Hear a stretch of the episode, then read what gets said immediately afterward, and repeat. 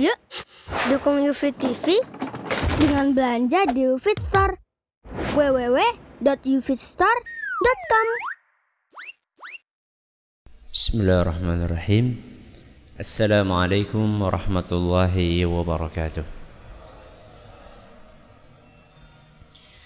Alhamdulillahi wa kafa wassalatu wassalamu ala rasulihil mustafa wa sahbihi wa man iqtafa amma ba'd. Kita panjatkan puja dan puji syukur kehadirat Allah Tabaraka wa Ta'ala pada kesempatan malam yang berbahagia kali ini kita kembali diberi kekuatan, kesehatan, hidayah serta taufik dari Allah Jalla wa Ala sehingga kita bisa kembali menghadiri pengajian rutin untuk membahas akhlak dan adab di dalam Islam di Masjid Jenderal Sudirman Purwokerto ini kita berharap semoga Allah Subhanahu wa taala berkenan untuk melimpahkan kepada kita semuanya ilmu yang bermanfaat sehingga bisa kita amalkan sebagai bekal untuk menghadap kepada Allah Jalla wa Ala. Amin.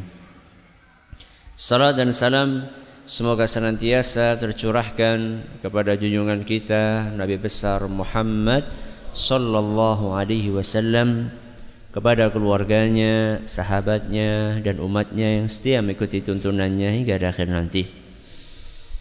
Para hadirin dan hadirat sekalian yang kami hormati dan juga segenap pendengar radio Insani via streaming di mana pun anda berada, juga para pemirsa Yufit TV dan Surau TV yang mungkin di rumahnya punya parabola dan berhalangan hadir mulai hari ini dan seterusnya insya Allah kajian ini juga akan live melalui Surau TV ya. Semoga Allah Azza wa Jalla memberkahi majelis kita. Pada pertemuan yang lalu kita telah memasuki pertemuan yang kedua membahas hadis tentang etika makan yang diajarkan oleh Nabi kita Muhammad sallallahu alaihi wasallam yaitu apa? Menjilati tangan setelah selesai makan. Pada pertemuan yang lalu kita membahas beberapa hikmah kenapa kita dianjurkan untuk menjilati tangan kita selesai setelah selesai kita makan. Saat itu kita sampaikan berapa hikmah? Empat hikmah. Yang pertama dalam rangka untuk mencari berkahnya makanan. Yang kedua untuk mengkikis penyakit sombong dari hati. Kemudian yang ketiga menghindari perilaku boros. Kemudian yang keempat memetik manfaat kesehatan. Kemudian setelah itu kita juga telah menyampaikan tentang poin siapa yang menjilati tangan tersebut.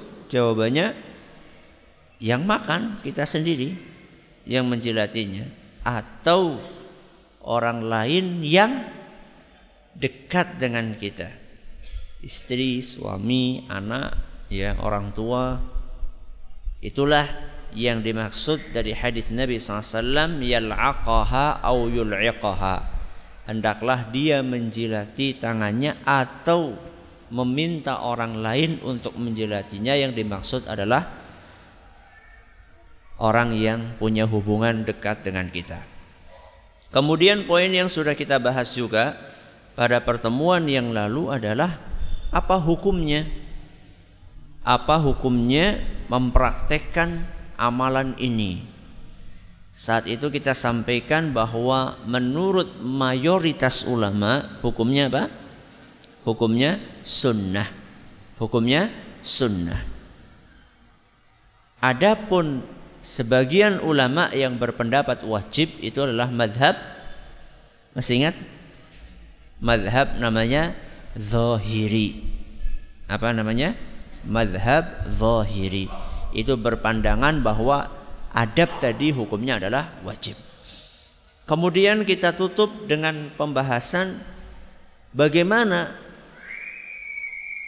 boleh nggak kita meninggalkan sunnah ini meninggalkan etika ini dengan harapan untuk merealisasikan maslahat yang lebih besar.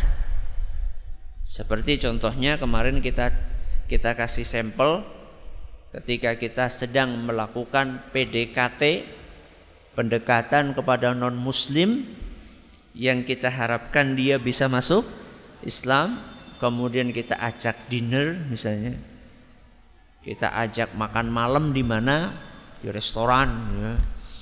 karena dia orang yang mampu kita juga alhamdulillah mampu sambil lobby dakwah ya. jadi bukan hanya lobby bukan hanya lobby bisnis. ya lobby dakwah.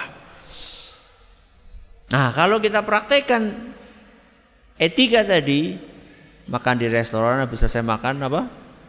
Di tangan. Khawatirnya dia nggak jadi masuk Islam karena pendeknya pengetahuan dia tentang hal tersebut dan belum saatnya kita sampaikan itu kepada dia maka tidak ada masalah bahkan bisa jadi dianjurkan untuk tidak kita lakukan sunnah itu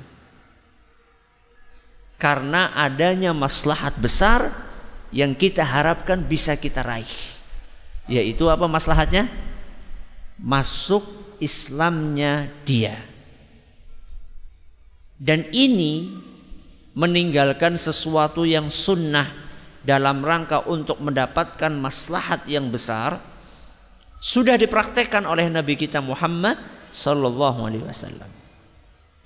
Rasulullah SAW sendiri mempraktekkan hal itu. Pada pengajian Ahad kemarin, fikih sirah saya menyampaikan hal itu di tanya jawab akhir. Yaitu tentang seputar renovasi apa? Ka'bah. Masih pada ingat apa enggak? Yang hadir ingat. Yang enggak hadir? Lu enggak hadir gimana mau ingat?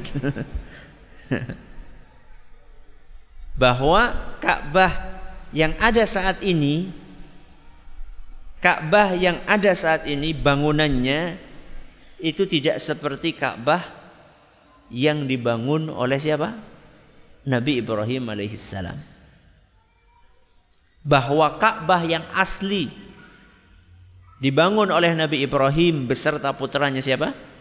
Nabi Ismail itu bentuknya bukan kotak, bukan kubus tapi kubus plus setengah lingkaran lengkungan. Jadi setengah lingkaran yang saat ini temboknya paling cuma segini tingginya, setengah lingkaran itu aslinya bangunannya masuk ke dalam Ka'bah. Jadi aslinya Ka'bah itu bentuknya adalah kotak plus setengah lingkaran ujungnya salah satu sisinya. Kok bisa aslinya seperti itu terus jadi seperti ini? Jadi seperti sekarang. Ceritanya adalah ketika zaman orang-orang suku Quraisy saat itu Ka'bah terkena banjir bandang sehingga rusak berat. Tembok-temboknya pada ambrol pada ambruk. Lalu mereka berpikir untuk merenovasi Ka'bah. Diperkuat lagi, diperbaharui lagi temboknya. Dan mereka sepakat bahwa ketika merehab itu tidak ada dana kotor yang masuk. Tidak ada dana kotor yang masuk. Penghasilan-penghasilan haram tidak boleh digunakan untuk merenovasi Ka'bah. Padahal mereka orang Islam apa musyrik saat itu? Musyrik. Wong musyrik yang ngerti ya duit kotor gue ora pantes gue bangun rumah ibadah. Masa wong Islam ora paham? Ya. Wis genah-genah bunga bank malah gue bangun masjid. Orang musyrik aja paham itu nggak layak. Ya. Masa mau dibikin untuk sesuatu yang sifatnya positif? Ya. Jadi musyrikin saat itu mereka sepakat mereka berkonsensus bahwa tidak boleh ada duit kotor yang masuk untuk membiayai renovasi ini. Nah, karena mereka sepakat tidak ada yang masuk kecuali duit yang bersih-bersih, mereka kekurangan dana. Karena ternyata duit-duit yang bersih itu tidak banyak. Akhirnya hanya cukup untuk sampai membangun kubus tadi. Sedangkan yang se apa tadi? Setengah lingkaran itu duitnya nggak cukup. Akhirnya dibikinlah seperti itu. Itu sebelum Rasulullah SAW diangkat menjadi nabi. Begitu Rasulullah SAW diangkat menjadi nabi, terjadi pertempuran ini, pertempuran itu, harta kaum muslimin tambah banyak, baitul mal kaum muslimin hartanya banyak dari hasil rampasan perang dan lain-lain. Intinya kaum muslimin kaya saat itu. Mampu nggak saat itu mereka untuk merenovasi Ka'bah? Mampu karena dananya ada. Dananya ada. Allah memberikan keberkahan kepada kaum muslimin. Akan tetapi kenapa tidak dilakukan oleh Rasul SAW? Kenapa Rasulullah SAW tidak mengembalikan Ka'bah seperti bangunan aslinya, padahal dananya ada. Dijelaskan oleh beliau sendiri alasannya. Dalam sebuah hadis yang diriwayatkan oleh Imam Bukhari dan Muslim, kata Nabi kita Muhammad sallallahu alaihi wa ala alihi wa sahbihi wasallam, "Laula hadatsatu ahdi qaumiki bil kufri." Wahai Aisyah, Nabi SAW sedang menjelaskan hal ini kepada istri beliau yang mulia. Siapa? Aisyah. Wahai Aisyah. Kalau bukan karena kalau bukan karena kaummu baru masuk Islam. Kalau bukan karena kaummu baru masuk Islam. Kaummu itu maksudnya orang-orang Quraisy. Kalau bukan karena orang-orang Quraisy baru masuk Islam, berarti orang baru masuk Islam imannya imannya masih belum kuat. Imannya mereka belum kuat, lanaqatul ka'bata wala ja'altuha ala asasi Ibrahim. Kalau bukan karena pertimbangkan iman kaummu belum kuat, wahai Aisyah, niscaya aku sudah renovasi ulang Ka'bah dan aku akan bangun seperti dahulu Nabi Ibrahim membangun Ka'bah. Apa alasannya Rasul SAW? Karena iman kaummu belum kuat.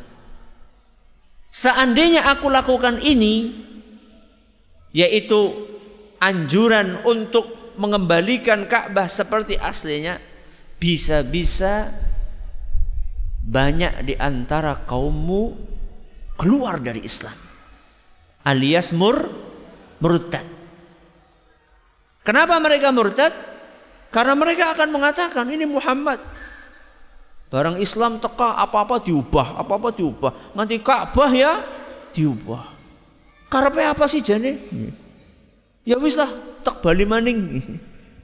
Murtad lagi bisa jadi seperti itu. Dan itulah prediksi dari Nabi Muhammad SAW. Ya.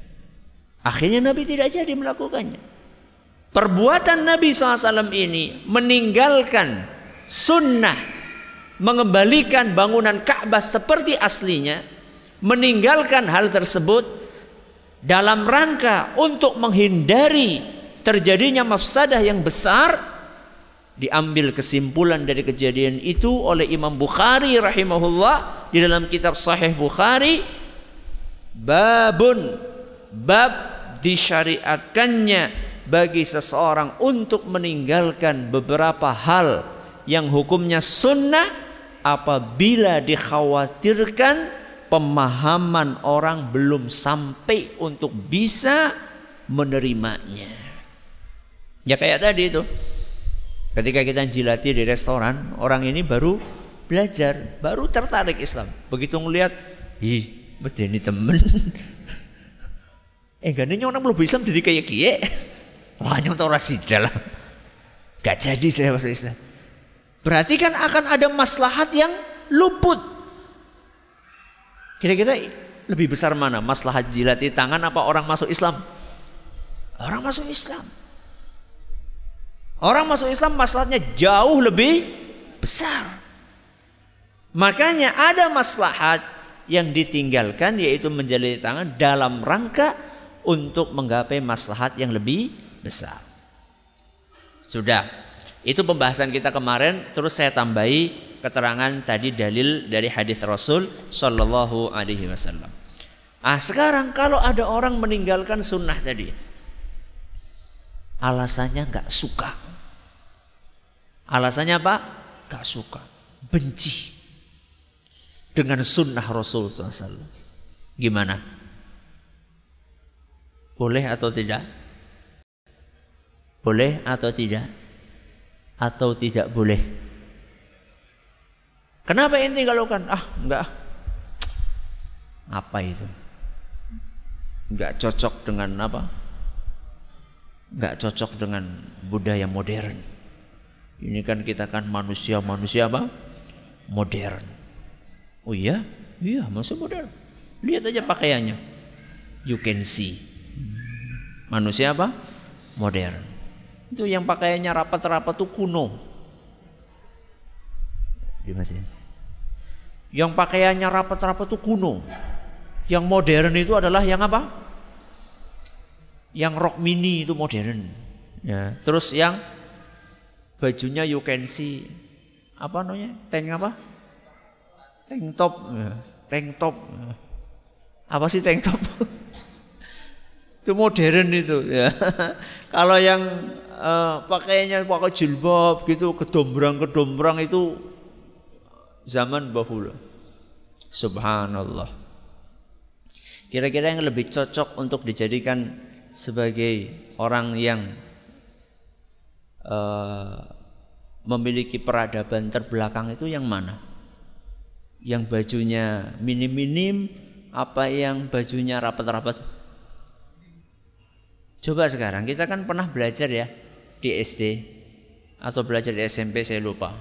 Ada fosil-fosil Meganthropus apa namanya? Lalu kayak gue lah maksud. Meganthropus titik-titik gitu. Itu gambar-gambar manusia purbakala itu bajunya kayak apa? Minim apa rapat? Minim. Berarti semakin minim, semakin mirip manusia purbakala. Lah modernnya nanti. Katanya kalau pakai rok mini itu modern. Itu bukan modern. Itu kembali ke zaman apa? Purbakala. Ya. Nah sekarang Wah, saya nggak cocok itu, nggak modern itu. Jilat-jilat tangan habis makan. Kita kan kalau makan kan semuanya siapa? Kadang saya bingung juga itu kalau suatu saat diajak makan di mana gitu kan. Ana sendok, ana garpu, ana pisau, ana begitu jenis sing ana lap sing gede banget ki ngapa ki. Bingung saya kira. Ya, ada makanan pembuka apa namanya? Apa? Apa? Diset, diset bukannya penutup. Diset penutup. Aku yang ngerti titik-titik lah.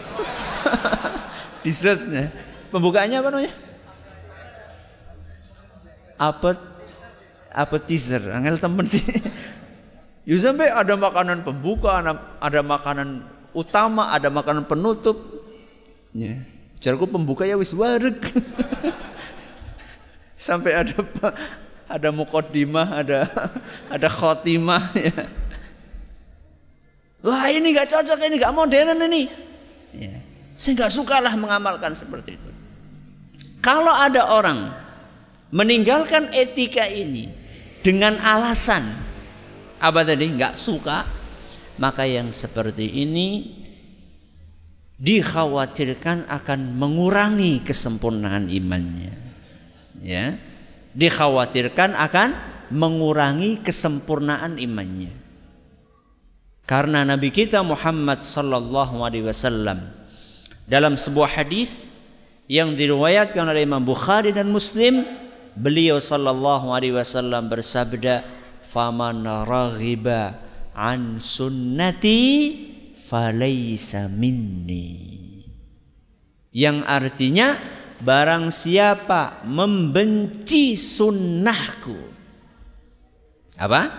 Barang siapa membenci sunnahku falaysa minni maka dia bukan termasuk golonganku maka dia bukan termasuk golonganku ini ancaman dari Nabi kita Muhammad SAW maka seyogianya begitu kita tahu sunnah dan tidak ada halangan tidak ada halangan yang menghalangi kita untuk mengamalkan sunnah tersebut lakukan Ya. Begitu tahu hadis Rasulullah SAW dan tidak ada halangan untuk meninggalkan, lakukan. Dan itulah prakteknya para ulama kita, makanya ilmu mereka berkah. Imam Ahmad. Pernah dengar nama orang ini? Seorang ulama besar. Imam Ahmad bin Hambal. Beliau hafal sejuta hadis. Berapa hadis? Sejuta. Sejuta gue nolnya pira? 6. Lengkap dengan sanatnya. Sanat gue apa sih? Loh, an fulan, fulan, fulan, dari fulan, dari fulan, dari fulan, dari Nabi SAW. Jadi hadis itu dibagi ada sanat, ada apa? Matan. Matan gue ya isinya sanad gue ya jalur orang-orangnya kalau kita matan beorapal apa banding apa sanate Imam Ahmad satu juta hadis hafal sanat dan matannya beliau ini kok bisa hafalannya kuat banget Sebenarnya kalau dari sisi makanan mungkin makanannya ya lebih empat sehat lima sempurna kita lah. Katanya kan oh, kualitas makanan mempengaruhi apa? Kecerdasan kan. Katanya seperti itu kan. Imam Ahmad ini mungkin makanannya dibandingkan kita lebih empat sehat lima sempurna kita dibandingkan Imam Ahmad. Kenapa bisa hafalannya kuat banget? Salah satunya adalah beliau kalau tahu hadis, baca hadis, diamalkan. Baca hadis diamalkan. Tahu hadis sahih diamalkan. Sehingga ilmunya itu barokah. Imam Syafi'i mengatakan, "Laisal ilmu ma hufid, innamal ilmu ma nafa'." Ukuran ilmu itu bukan banyaknya yang dihafal tapi seberapa manfaat yang bisa ditimbulkan dari ilmu tersebut. Semakin diamalkan semakin besar manfaatnya. Imam Ahmad ini pernah suatu saat beliau tahu hadis Nabi SAW bahwa Nabi SAW ihtajama. Suatu hari Nabi SAW berhijamah. Berhijamah itu di bekam. Minta kepada seorang untuk membekam beliau. Wa a'tal hajjama. Kemudian Nabi SAW mengasih upah kepada tukang bekam tadi. Saya lupa satu dinar atau dua dinar. Kasih satu dinar atau dua dinar. Tahu nggak satu dinar berapa? Satu juta lebih. Berapa? Satu juta lebih. Berarti kalau dua dinar, dua juta lebih. Ya. Begitu Imam Ahmad baca hadis ini, nggak nunggu besok, panggil tukang bekam. Padahal saat itu beliau mungkin nggak butuh untuk apa? Bekam. Langsung panggil tukang bekam, tolong bekam saya. Setelah selesai bekam, kasih satu dinar atau dua dinar. Cuman karena pengen mencontoh apa yang dicontohkan oleh Rasul SAW. Jadi bukan hanya sekedar berbekam, matur nuwun ya. Jazakallah khairan. Syukron. Betul-betul Imam Ahmad sosok yang sangat setia dengan sunnah Rasul SAW. Makanya orang-orang yang tidak mengamalkan etika tadi, menjilat tangan dengan alasan gak suka, dengan alasan benci, maka dikhawatirkan hal itu bisa mengurangi kesempurnaan keimanannya karena Rasulullah SAW bersabda, "Faman raghiba an sunnati falaysa minni." Barang siapa yang membenci sunnahku, maka dia bukan termasuk golonganku. Terakhir ya, yang sudah kita janjikan sejak awal bahwa etika menjilati tangan setelah makan. Kita sudah bahas etika ini dipraktekkan setelah apa? Makan. Bahwa manfaat-manfaat yang bisa kita ambil dari sunnah ini terkait dengan adab-adab sebelum dan sesudah makan. Jadi adabnya, adab makan itu ada yang perlu diperhatikan dan dilakukan sebelum dan ada yang ketika serta sesudah. Kalau kita ingin mendapatkan efek positif dari adab menjilati tangan, maka kita juga harus memperhatikan etika dan adab lainnya yang diajarkan oleh Rasul SAW sebelum makan. Apa itu? Sekurang-kurangnya tiga. Sekurang-kurangnya tiga. Sesudah, eh, sebelum maupun sesudah makan. Yang pertama sebelum makan. Yang harus diperhatikan adalah memotong kuku apa? Memotong kuku.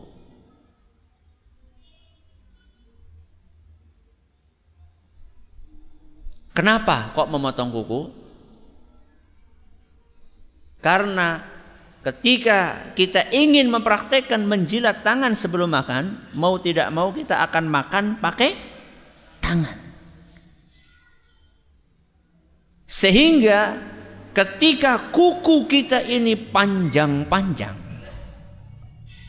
biasanya akan bercokol apa kuman-kuman dan cacing-cacing dan item-item di dalam kuku kita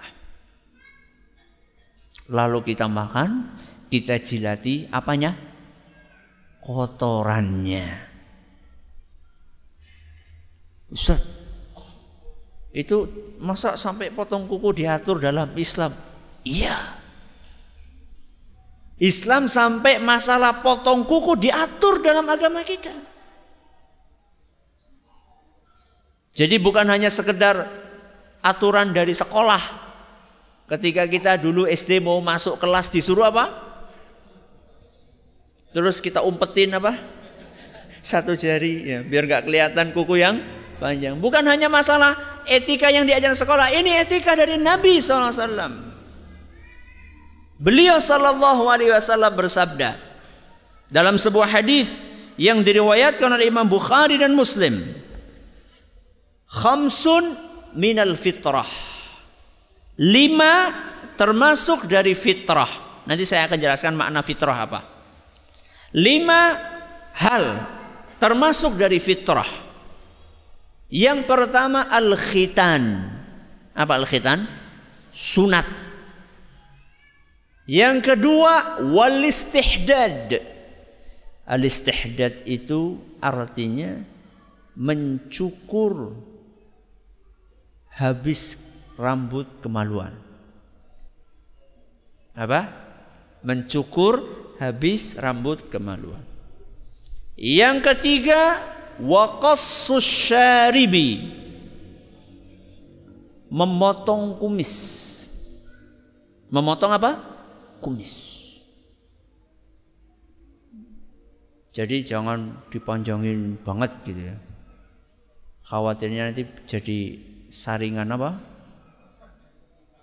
Kopi. Ya. Jadi punya kumis tidak apa-apa, tapi dirapiin. Ya. Punya kumis tidak apa, tapi di dirapiin. Kosus syaribi. Ini yang keberapa ini? Yang ketiga. Yang keempat, natsful ibti. Mencabut bulu ketiak. Redaksinya mencabut. Redaksinya apa? Mencabut. Kalau kuat. Kalau kuat. Kalau nggak kuat ya digunting. Tapi saya tidak menganjurkan dikerok. Bok nyerodok. Ya, kalau semakin dikerok itu semakin apa? Semakin kaku. Ya. Jadi kalau nggak kuat dicabuti, ya di apa? Ya digunting lah kira-kira. Jadi kelihatan putih. Makanya Rasulullah SAW itu ketika sholat dan beliau apa? Sujud. Hmm, beliau sujud. Kemudian beliau mengangkat apanya?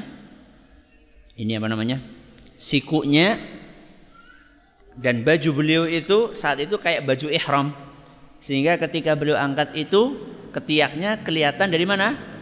Dari belakang. Sahabat yang di belakang mengatakan bahwa kami melihat Rasulullah SAW ketika sujud kami bisa melihat putihnya ketiak Rasul. Berarti bukan hitamnya ketiak Rasul, bukan. Berarti gak usah bangga nek bulu ketiaknya gue kandel gue rasa bangga. Itu nggak ada tuntunannya dari Nabi SAW. Yang betul adalah apa? Bersih. Mabuk. Ya. Sudah nggak sesuai dengan sunnah Rasul, bau pula. Ya. Dibersihkan ya. Ini yang keberapa ini? Yang nah yang kelima. Wa taqlimul azfar. Taqlimul azfar artinya adalah memotong kuku. Sudah berapa berarti? Lima. Lima ini termasuk fitrah fitrah itu apa kata para ulama fitrah itu artinya kebiasaan baik yang dicintai oleh Allah apa? Kebiasaan baik yang dicintai oleh Allah. Sehingga memotong kuku ini dicintai sama Allah Subhanahu wa taala. Dan baik bukan hanya baik di mata Allah di sisi Allah tapi juga baik di mata manusia. Ya.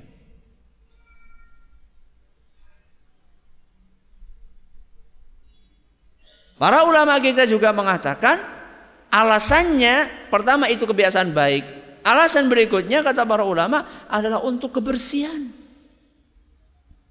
Alasan yang lainnya juga adalah untuk tidak menyerupai binatang buas. Ya. Makanya nggak usah terprovokasi dengan orang-orang yang masuk Guinness Book. Hmm, kukunya paling apa? Panjang sedunia. Rusak. Gigu Ya. Coba jenengan lihat itu orang yang katanya kukunya paling panjang coba jenengan lihat ya. Kayak apa? Pating pelungker gitu kan? Kayak apa gitu ya? La haula quwata illa billah. Apa asiknya coba? Apalagi kalau di sini nih, angel banget go. ini kan sangat krusial ini. ya. Panjang buat apa? melihara kuku tuh buat apa panjang-panjang? Ya. Ada sebagian orang alasan dia buat tusuk gigi lah, tusuk gigi tak akan ge, sepak tusuk gigi. Ya. Apa alasannya memanjangkan kuku? Ya. Rasulullah SAW menganjurkan untuk apa tadi? Memotong. Kalau kita ingin mempraktekkan sunnah, menjilati tangan setelah makan, maka potong kuku sebelum makan. Bukan setiap sebelum makan. Maksudnya adalah ketika akan makan kuku kita sudah pendek-pendek. Ini etika yang pertama. Yang kedua, mencuci tangan sebelum makan. apa? Mencuci tangan sebelum makan. Apalagi kalau tangannya kotor. Kalau tangannya kotor maka sangat dianjurkan untuk mencuci tangan. Bukan hanya masalah kebersihan, tapi ada sebuah hadis yang diriwayatkan oleh Imam Ahmad dan hadis ini dinyatakan sahih oleh Imam Ibn Hibban dan Syekh Al-Albani. Kata Aisyah radhiyallahu anha ummul mukminin kana Rasulullah sallallahu alaihi wasallam idza arada an yanama wa huwa junubun tawadda'a wudhu'ahu lis-salah. Rasulullah sallallahu alaihi wasallam kalau dalam keadaan junub Junub itu maksudnya habis melakukan hubungan suami istri atau mimpi basah. Jadi junub itu bukan hanya konotasinya orang habis mimpi basah, tapi termasuk habis berhubungan suami istri, hubungan biologis ini juga termasuk apa? Junub. Rasulullah SAW dalam keadaan junub, kalau beliau ingin tidur, maka beliau akan berwudu terlebih dahulu mirip seperti wudunya beliau sebelum sholat. Etika. Etika bagi mereka yang ingin tidur dalam keadaan junub. Kalau nggak junub gimana? Dianjurkan juga ada hadis yang lain. Kemudian kelanjutannya, fa idza arada an ya'kula ghasala yadayhi thumma akal. Dan apabila beliau ingin makan, maka beliau akan membasuh kedua tangannya, baru kemudian beliau makan. Apa yang dilakukan? Membasuh kedua tangannya sebelum makan. Hadis ini, walaupun menurut sebagian ulama berkenaan dengan orang yang junub kalau mau makan, akan tetapi tidak sedikit ulama yang mengatakan bahwa hadis ini juga menganjurkan untuk mencuci tangan sebelum makan walaupun tidak dalam keadaan junub. Sebagaimana yang disimpulkan oleh Syekh Al-Albani rahimahullah. Makanya ulama-ulama sebelum Syekh Al-Albani seperti salah satu pendapatnya Imam Ahmad, kemudian juga pendapatnya Imam Malik kalau seandainya tangannya kotor, kemudian Imam Ibnu Muflih juga menunjukkan hal yang serupa dianjurkan untuk membasuh tangan. Kalau mau makan dianjurkan untuk membasuh tangan. Pakai sabun nggak Ustaz? Ya kalau ada. Kalau nggak ada yang penting apa? Membasuh tangan. Apa harus seperti itu Ustaz? Seperti yang di rumah sakit itu.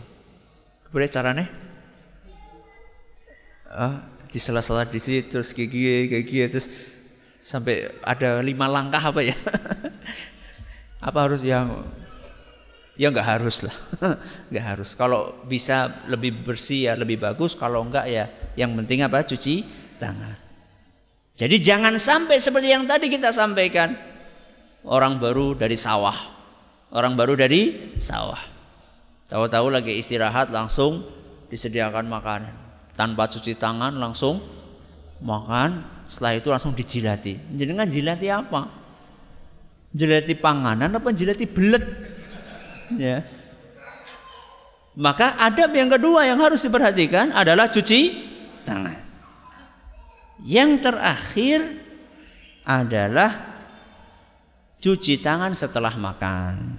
Ya maksudnya setelah makan itu adalah setelah menjilati tangan karena bagaimanapun juga ketika kita jilati itu bersihnya maksimal atau tidak? Belum maksimal bersihnya. Apalagi kalau makannya makan yang yang apa? Yang berminyak, yang berlemak.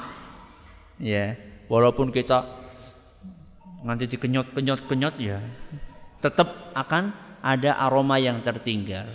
Maka Rasulullah SAW pesan dalam sebuah hadis yang diriwayatkan oleh Imam Ibnu Hibban dan dinyatakan sahih oleh beliau dan juga oleh Syekh Al-Albani beliau SAW pernah berpesan man bata wa fi yadihi ghamarun.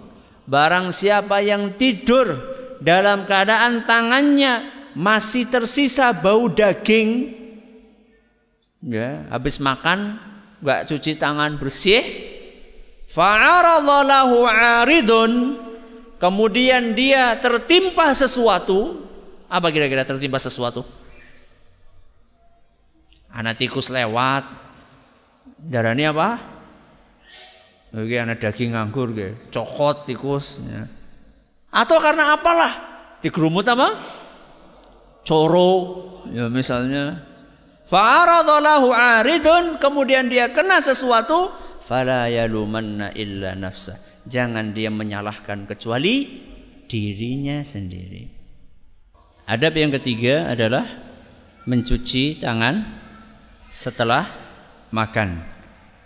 Dan ini juga yang dipraktekkan oleh Nabi kita Muhammad sallallahu alaihi wasallam sebagaimana disebutkan dalam hadis riwayat Ahmad dan hadis ini nyatakan sahih oleh Syekh Al-Albani kata Abu Hurairah radhiyallahu anhu Nabi SAW pernah makan kambing setelah selesai makan beliau kumur-kumur mencuci kedua tangannya baru kemudian melaksanakan sholat jadi mencuci tangan sebelum maupun sudah makan dianjurkan di dalam agama kita. Jadi ini beberapa hal yang terkait dengan pembahasan tentang e, menjilati tangan setelah makan dan dengan demikian selesai pembahasan kita tentang hadis ini insya Allah pada pertemuan berikutnya kita akan memasuki pembahasan tentang hadis berikutnya yang disampaikan oleh Imam Ibnu Hajar Al Asqalani dalam kitab beliau Bulughul Maram Kitabu Al-Jami' kalau ada yang mau bertanya masih ada waktu yang tersisa silahkan makan pakai sendok. Boleh atau tidak ada sebagian ulama sebagian ulama ya berpendapat bahwa makan pakai sendok itu sesuai sunnah malah sesuai apa sunnah apa alasannya? Karena dengan tiga jari. Karena dengan tiga jari. Dan Rasulullah SAW mengajarkan kita makan pakai tiga jari. Megang sendok kan kayak gini. Tiga jari kan.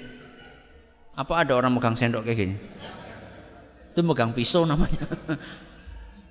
Kata ulama ini justru kalau makan pakai sendok itu lebih nyunnah Wallahu alam bisawab. Kalau pakai sendok kita nggak bisa jilati apa? Jari. Jadi yang dijilati apa? Sendoknya nanti. Ya. Walaupun menjilati piring, ya. Itu juga ada sunnahnya di Nabi SAW. Ya.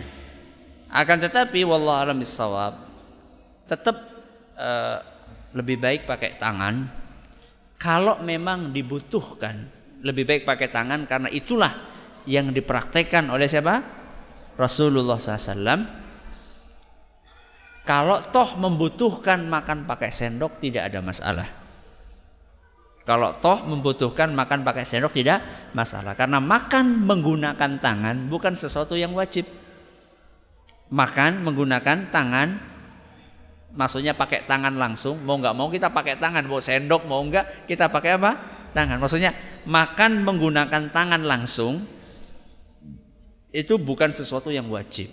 Sehingga ketika kita tidak lakukan kita pakai sendok apalagi kondisinya menuntut demikian ya seperti makan bakso ada apanya ada kuahnya kalau pakai tangan kan sulit banget ya yang kita makan kan nggak cuma pentolnya. Yang kita makan juga apa? Kuahnya. Coba bayangkan, makan bakso, kuahnya pakai tangan. Gimana coba caranya? Masa enggaknya kayak gini? Ya. Ya mau nggak mau kita pakai sendok. Jadi aslinya kalau bisa makan pakai tangan. Kecuali kalau kondisi menuntut untuk pakai sendok insya Allah tidak ada masalah. Wallahu alam bisawab. Ini yang dapat kami sampaikan semoga bermanfaat buat kita semuanya. Terima kasih atas perhatiannya, mohon atas segala kurangnya. Kita tutup dengan membaca subhanakallahumma bihamdika asyhadu an la ilaha illa anta astaghfiruka wa atubu. Assalamualaikum warahmatullahi wabarakatuh.